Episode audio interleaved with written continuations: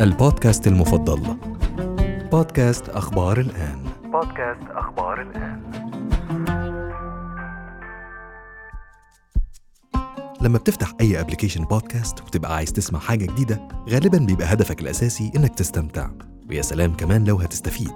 في كل حلقة أنا هديلك ملخص عن أفضل حلقات بودكاست سمعتها الفترة اللي فاتت. واللي من وجهة نظري يستحقوا الاستماع والمتابعة. أتمنى ليكم رحلة استماع مميزة. أنا محمد علي وده البودكاست المفضل.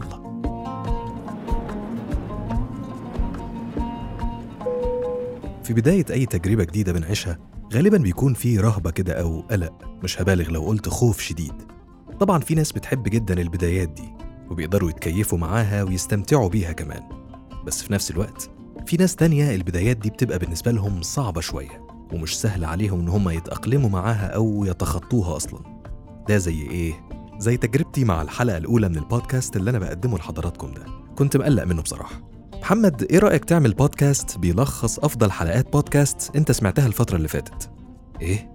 هتقول رأيك فيهم وتناقش مواضيعهم كمان لو حبيت ماشي تمام يلا بينا فبدأت أخطط للموضوع وأتخيل إزاي ممكن أقدم الفكرة دي وبدأت أسمع حلقات كتير وأتعمق في حلقات بودكاستس مختلفة كل ده وأنا قلقان شوية بيني وبينكم لحد ما لفت انتباهي عنوان الحلقة اللي هبدأ بيها النهاردة واللي هي من كلمة واحدة بس التكيف.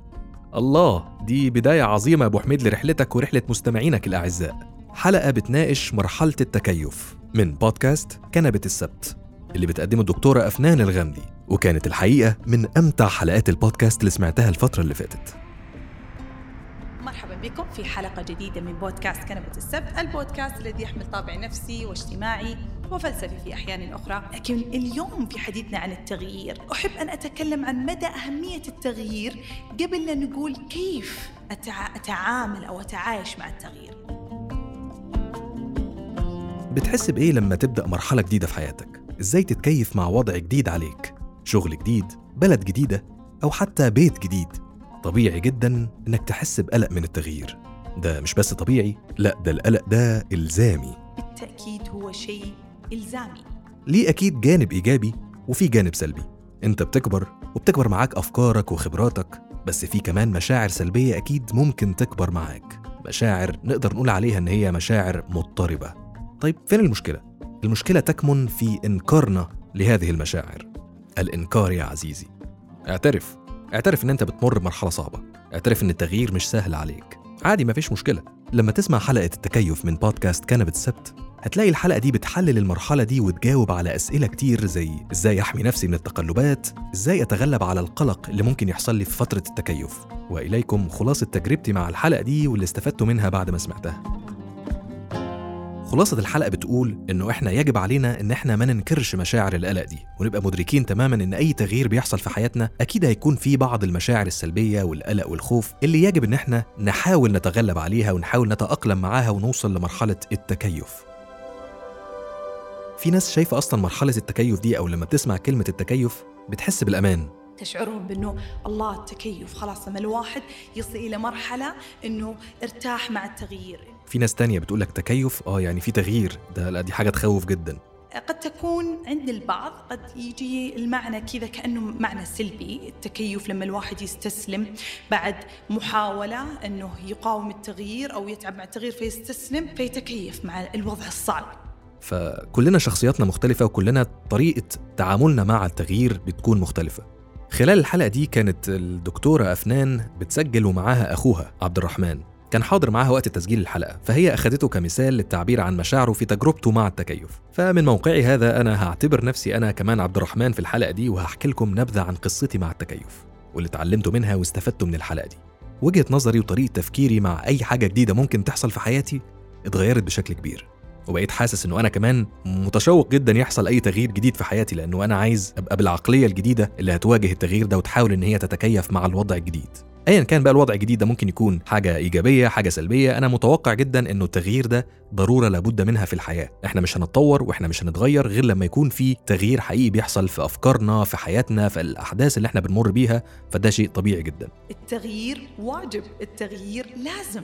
زي ما قلت لحضراتكم أنا كنت شوية قلقان لما اتقال لي إنه إحنا مطلوب مننا نعمل بودكاست جديد وأنت يا محمد اللي هتقدمه والفكرة عبارة عن كذا كذا كذا. هل أنت متحمس؟ أنا في الأول آه أوكي أنت متحمس بس برضه في خوف في رهبة.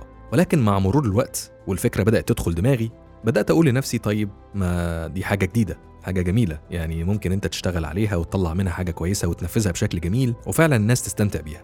لقيت إنه أنا تفكيري بيوديني لناحية إنه أنت لما تنفذ الحاجة دي وتطلعها بشكل أنت راضي عنه شكل يعجبك أنت هتكون مبسوط في النهاية. أنا بلاقي نفسي بتحمس جدا لما بنفذ حاجة وتطلع فعلا حلوة بالشكل اللي أنا متخيله. فهنا بدأ عقلي يستوعب إنه أنا عشان أتخطى المرحلة دي من التغيير لازم أبدأ تنفيذ وأشوف النتيجة بعينيا وأسمعها وساعتها أنا هكون في قمة سعادتي وهكون مرتاح وقدرت إن أنا أتكيف مع الوضع الجديد. وبالعكس هحبه جدا وهبدأ إن أنا أسجل حلقات أكتر وأكتر وأكيد الحلقات دي هتتطور مع مرور الوقت وهتبقى أحلى وأحلى. فدائما إحنا نسعى إلى التغيير الداخلي من أجل أن نحصل على التغيير الخارجي. دكتورة أفنان قالت في الحلقة إنه تقريبا ثلاث شهور هي دي الفترة المثالية اللي ممكن يحصل فيها التكيف. وفي ناس بياخد معاها الموضوع شوية وقت وفي ناس تانية لا تتقبل التغيير وبتتعب وبتعاني جدا جدا. حاجة كمان طريقتك في التكيف مع التغيير ده مش بالضرورة أبدا تكون مفيدة لغيرك أو إنه مثلا لازم يعمل بالظبط نفس اللي أنت عملته عشان يتكيف هو كمان مع الظروف اللي عنده الظروف الخاصة بيه. هو ظروفه وشخصيته مختلفة تماما عنك وطريقة تأقلمه وتكيفه مع أي وضع هو بيمر بيه أكيد مش بالضرورة لازم تكون زيك. فالصح إن أنت تعمل إيه؟ صح إن أنت تنصحه من خلال تجربتك نصيحة بشكل عام ولكن تسيبه هو يلاقي الطريقة المناسبة اللي تريحه في التأقلم والتكيف مع ظروفه هو الشخصية. أنت ممكن تكون بتتعامل بسرعة مع التغيير وبتقدر تتكيف لكن هو ممكن يكون محتاج شوية وقت. فخلاصة الحلقة دي. اسمح للقلق أن يكون موجود، اسمح إنك تطلب المساعدة، اسمح لنفسك إنك تفضفض، تأكد إنه حتى لو كان تغيير إيجابي، من حقك أن تقلق، من حقك أن تخاف نوعا ما، تضطرب مشاعرك نوعا ما، لكن هي مسألة وقت. بس زي ما قلت أنت وشطارتك في مرحلة التكيف والتأقلم. المفروض إن هي ما تزيدش عن ست شهور. ولو ده حصل وقعدت معاك أكتر من ست شهور غالبا ساعتها هتكون في حالة نفسية وصحية أكيد مش كويسة. فالنصيحة إنه مش عيب أبدا إنك تراجع طبيب أو مختص عشان يساعدك ويستمع لك ويحاول إن هو يوجهك في رحلتك في التأقلم مع التغيير. وعشان كده لازم أنتوا كمان تتحملوا معايا مرحلة التغيير اللي هنمر بيها دلوقتي حالا عشان إحنا قربنا نوصل على المنطقة التانية وإذا إحنا ما تغيرنا وتواكبنا مع الحياة ربما فعليا لا نصل إلى الأشياء التي نريدها واحيانا نعتقد أننا سنصل لكن للأسف بدون التغيير الداخلي لن نصل إلى الأشياء التي إحنا نتوقع أن نصل لها. الحلقة التانية المميزة اللي لفتت انتباهي كانت واحدة من الحلقات اللي ممكن تكون مخيفة للبعض بس ما تخافوش ما تخافوش. أنا بس هديكم فكرة وملخص سريع عن موضوعها. البودكاست اللي معانا النهاردة في المحطة دي هو عناكب الشبكة وهو بودكاست متخصص في سرد قصص وجرائم من عمق الإنترنت وفي إطار يثري التجربة السمعية. واحدة من الحلقات بعنوان بوكس العجائب اللي بتقدمها منصة Rising Giants Network ما تيجوا نسمع مع بعض برومو الحلقة اللي هم نزلوه ونرجع لبعض تاني. موضوع اليوم هو عبارة عن شر خالص. شخص يصور وهو يحفر وفي لحظة يوقف حفر. تسمع صوت صندوق السيارة الخلفي وبعدها يتابع حفر. وفي الخلفية تسمع صوت كيس يتحرك وتسمع صوت ضرب بالمجرفة. وبعدها يسحب الكيس ويرميه ويرمي عليه التراب. امم حلو جدا حلو جدا ده. أعتقد إن أنتوا اتخضيتوا شوية. والله وأنا كمان. البرومو اللي سمعناه من شوية ده آثار فضولي جدا وقررت ساعتها إن أنا أسمع الحلقة الكاملة. ولما سمعت الحلقة الكاملة كنت فعلا مستمتع بطريقة السرد وصوت مقدمة البودكاست والجو العام اللي بيثري فعلا التجربة السمعية زي ما هم كاتبين أصحاب البودكاست. هو آه بيثري التجربة السمعية وكل حاجة بس كان يخوف شوية بصراحة. يعني كنت هستمتع أكتر لو كانوا مثلا قللوا حدة الموسيقى وال sound effects حاجة بسيطة أو كانوا يخرجونا من ال mood ده بأي حاجة كده سريعة مثلا افي أو حاجة زي كده تخرجنا شوية بره الجو المرعب ده. بس مش مشكلة كل ده تمام. المهم إن القصة نفسها كانت مثيرة فعلا وهي اللي شدتني. القصة باختصار عن شاب يوتيوبر عنده قناة كبيرة اسمها MindSeed TV. قناة بتقدم محتوى مريب وعجيب عن استكشاف الأماكن المهجورة أو اللي بيتقال عنها أساطير وحاجات مثيرة للشكوك وبيستكشفوا فيها تجارب من الجانب المظلم من الإنترنت أو ما يعرف بال deep web أو ال dark web. وهو ده موضوع الحلقة. There's a lot of bad things that happen on the deep web. في فترة كده كانت طلعت موضة بين اليوتيوبرز وتحديدا اللي بيعملوا فيديوهات ال unboxing اللي مش عارف ال unboxing هو إنك تصور فيديوهات وإنت بتفتح علبة لمنتج جديد اشتريته أو حاجة زي كده وعايز المتابعين بتوعك يشوفوا إيه مكونات المنتج ده وإزاي بتستخدمه وإزاي بتفتح العلبة وبتلاقي جواها إيه والكلام ده. بس الموضة الجديدة دي بقى كانت إنك تعمل unboxing لطرد عشوائي. إنت بتشتريه من ال dark web ما تعرفش إيه محتوياته ولا حتى مين الشخص اللي بعتهولك. ال dark web معروف عنه إنه وسيلة لبيع وشراء وتسهيل عمليات وأشياء مرعبة غير قانونية كتير أقلها رعبا مثلا المخدرات. المهم إن الشاب ده صور ال unboxing هو وصديقة ليه كانت موجودة معاه في الفيديو وقت التصوير وبتتفرج على اللي هو بيعمله بس كانت متحفظة شوية كده وخايفة من ال dark web واللي ممكن يجي منه.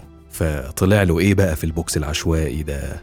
طلع له حاجات غريبة جدا و creepy. غالبا ممكن تكون دليل على جريمة بشعة. وارد جدا تكون حصلت لطفل أو لمجموعة من الأطفال. وليه بقول ممكن وغالبا كتير؟ لأنه الموضوع ما نقدرش نجزم إن هو حقيقي.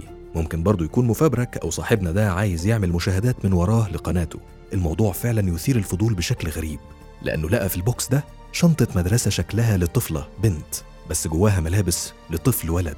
وعرايس شكلها يخوف عليها خصلات شعر حقيقية ودبدوب شكله cute بس جواه قلب. القلب ده بقى جواه USB flash شكل كده عليها مصيبة. طول الفيديو هو بيستعرض الحاجات اللي جوه ال box كان باين عليهم التوتر وعدم الراحة. هتقولي عرفت منين يا أبو حميد التفاصيل دي وشفت إزاي؟ هقول لك ما هو أنا بسمع في نص الحلقة كده بتاعة البودكاست الفضول عندي زاد جدا فقررت إن أنا أروح أدور ورا القصة نفسها وأشوف الفيديو اللي على قناتهم. المهم إنه الفلاشة دي كان عليها تقريبا كده فيديو واضح كده إنه غريب وعجيب ومريب. سبب لأصحابنا دول قلق جامد جامد جامد. وده خلاني أسأل نفسي تفتكروا ان صناع المحتوى في سبيل إن هم يعملوا مشاهدات للقناة بتاعتهم على يوتيوب؟ ممكن الموضوع ده يوصل بيهم لنوعية زي كده من الفيديوهات؟ If we get a thousand views on this video, I will upload a part two. فلو القصة دي بقى شدتك ادخل اسمعها في الحلقة رقم واحد من بودكاست عناكب الشبكة. إيه ده؟ okay إحنا بنقرب من منطقة رقم ثلاثة طيب استعدوا معايا بقى أعزائي الركاب هننزل في منطقة لذيذة كده ورايقة تخفف عنكم شوية بعد اللي سمعتوه ده.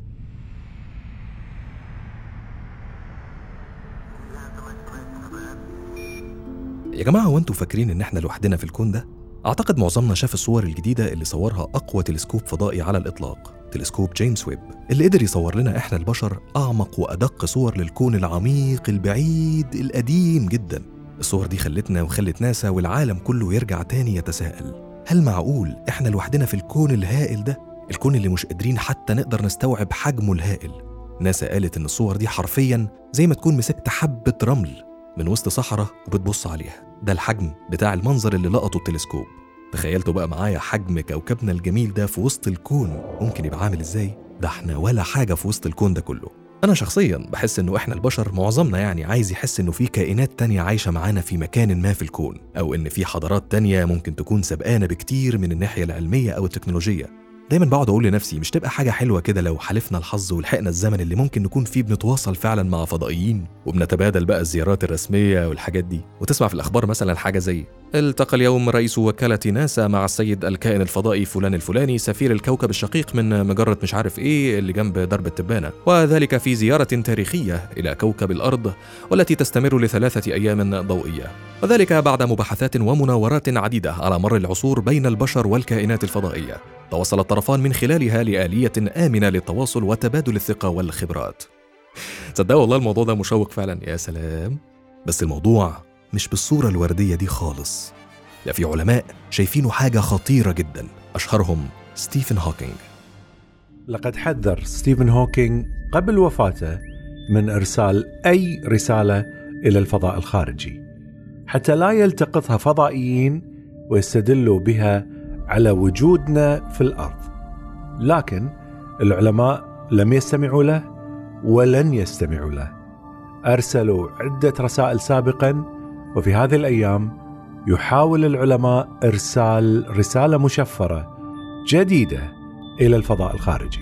حلقة رسالة إلى الفضائيين من بودكاست دبي المستقبل لفتت انتباهي جدا الحقيقة للقصة دي لأنها فعلا مثيرة للفضول والتساؤلات اللي ملهاش نهاية ستيفن هوكينج كان شايف قبل وفاته إننا مفروض ما نحاولش أصلا نتواصل مع الفضائيين لو كانوا موجودين وده لأن الكون قديم جدا وإحنا حضارتنا العلمية نفسها تعتبر مش قديمة خالص بالنسبة لعمر الكون حضارتنا العلمية المسؤولة عن تطور البشر تكنولوجيا عمرها 500 سنة فقط.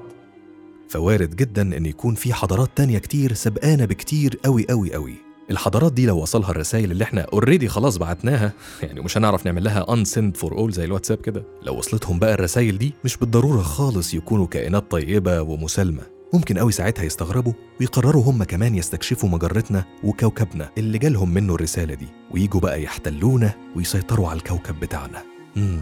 يعتقد هوكينج أنه قد تنظر لنا حضارة متقدمة على أننا حضارة ضعيفة وتستغل الفرصة للهجوم علينا فهو لا يود أن يجعل الأرض هدف لهذه الحضارات ويتفق معاه إيلون ماسك في نفس التوجه. وهو أيضا يحذر من ذلك ويدعو للتأني في إرسال الرسائل إلى الفضاء.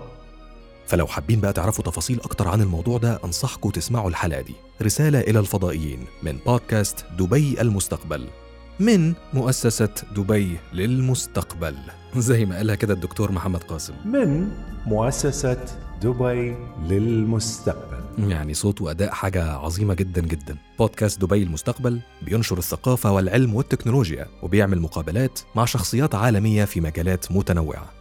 طيب نروح لمنطقة تانية. منطقة شائكة شوية.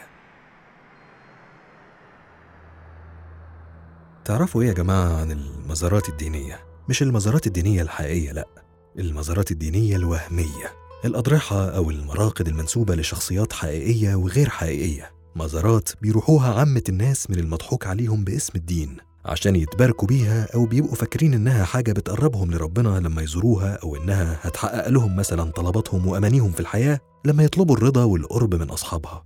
قد إيه في شخصيات ومنظمات مريضة ويمكن جهات مسؤولة كمان مستفيدة من وجود المزارات الوهمية دي مستفيدة بشكل مادي وسياسي من تجهيل مجتمعاتها والسيطرة على أفكارها ومشاعرها.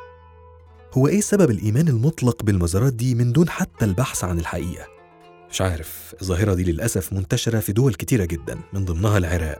بس الفوضى وسوء الإدارة اللي في الدول دي بيسمحوا لأصحاب النفوس الضعيفة وتجار الأزمات إنهم يستغلوا عواطف الناس وحبهم للشخصيات الدينية أو أهل البيت مثلا عشان ينصبوا ويحتالوا عليهم ويحققوا من وراهم مكاسب مادية مهولة. وطبعا بتحصل كوارث كتير بسبب وجود المزارات دي. مثلا الحادثة الأخيرة اللي حصلت في ما يسمى بقطارة الإمام علي في محافظة كربلاء في العراق. انهارت القطارة فوق الناس اللي كانوا موجودين فيها وكان في مصابين كتير وضحايا وناس أكتر كانوا محبوسين تحت التراب بعد ما وقع عليهم التل الترابي المحيط بالمزار. الخضراوات بنت الحسن كمون مربط الإمام حمزة وقطارة الإمام علي. هذه ليست أسماء كتبت من وحي خيالنا. إنما هي مراقد دينية منتشرة في وسط وجنوب العراق يقصدها الناس لطلب الحاجات منها كما يقولون. ما علاقة السياسة والفساد المستشري في العراق بهذه المزارات؟ حلقة المزارات الدينية الوهمية في العراق من بودكاست بالعراقي مع سجد. أحدث إنتاجات بودكاست أخبار الآن. حلقة بتناقش وبتحقق في تفاصيل الظاهرة المنتشرة بشكل مخيف في العراق. بودكاست بالعراقي مع سجد بيقدم تحقيقات صحفية عن قصص غير مروية عن العراق. منها مثلا حلقة عن رتب عسكرية ارتبطت أسمائهم بحماية فاشونستات واللي بالتأكيد بيشوه جدا في سمعة جهاز الأمن العراقي. طيب خلوني أكلمكم شوية عن فكرة بودكاست البودكاست المفضل. زي ما سمعتوا كده في الإنترو الفكرة ببساطة إنه أنا بسمعك أو أديلك فكرة عن أفضل حلقات بودكاست أنا سمعتها خلال الفترة اللي فاتت. بس الحقيقة أنا عايز إن أنتوا كمان تشاركوني في تقديم الحلقات دي وحابب جدا جدا إن المشاركات دي تكون فعلا مسموعة ومؤثرة طيب ممكن تشاركوا معانا إزاي؟ أنا بكل بساطة بسألكم إيه هو البودكاست المفضل عندكم؟ أو مثلا إيه هي الحلقات اللي أنتوا سمعتوها الفترة اللي فاتت ولفتت انتباهكم جدا؟ أتمنى تقدروا تبعتوا لي المعلومات دي على هيئة تسجيل صوتي مثلا يكون بجودة عالية في بداية التسجيل مثلا تعرفونا بنفسكم وانتوا من أي بلد وإيه هو البودكاست المفضل بالنسبة لكم أو إيه هي الحلقات اللي بتحبوها وبتحبوها ليه وهكذا.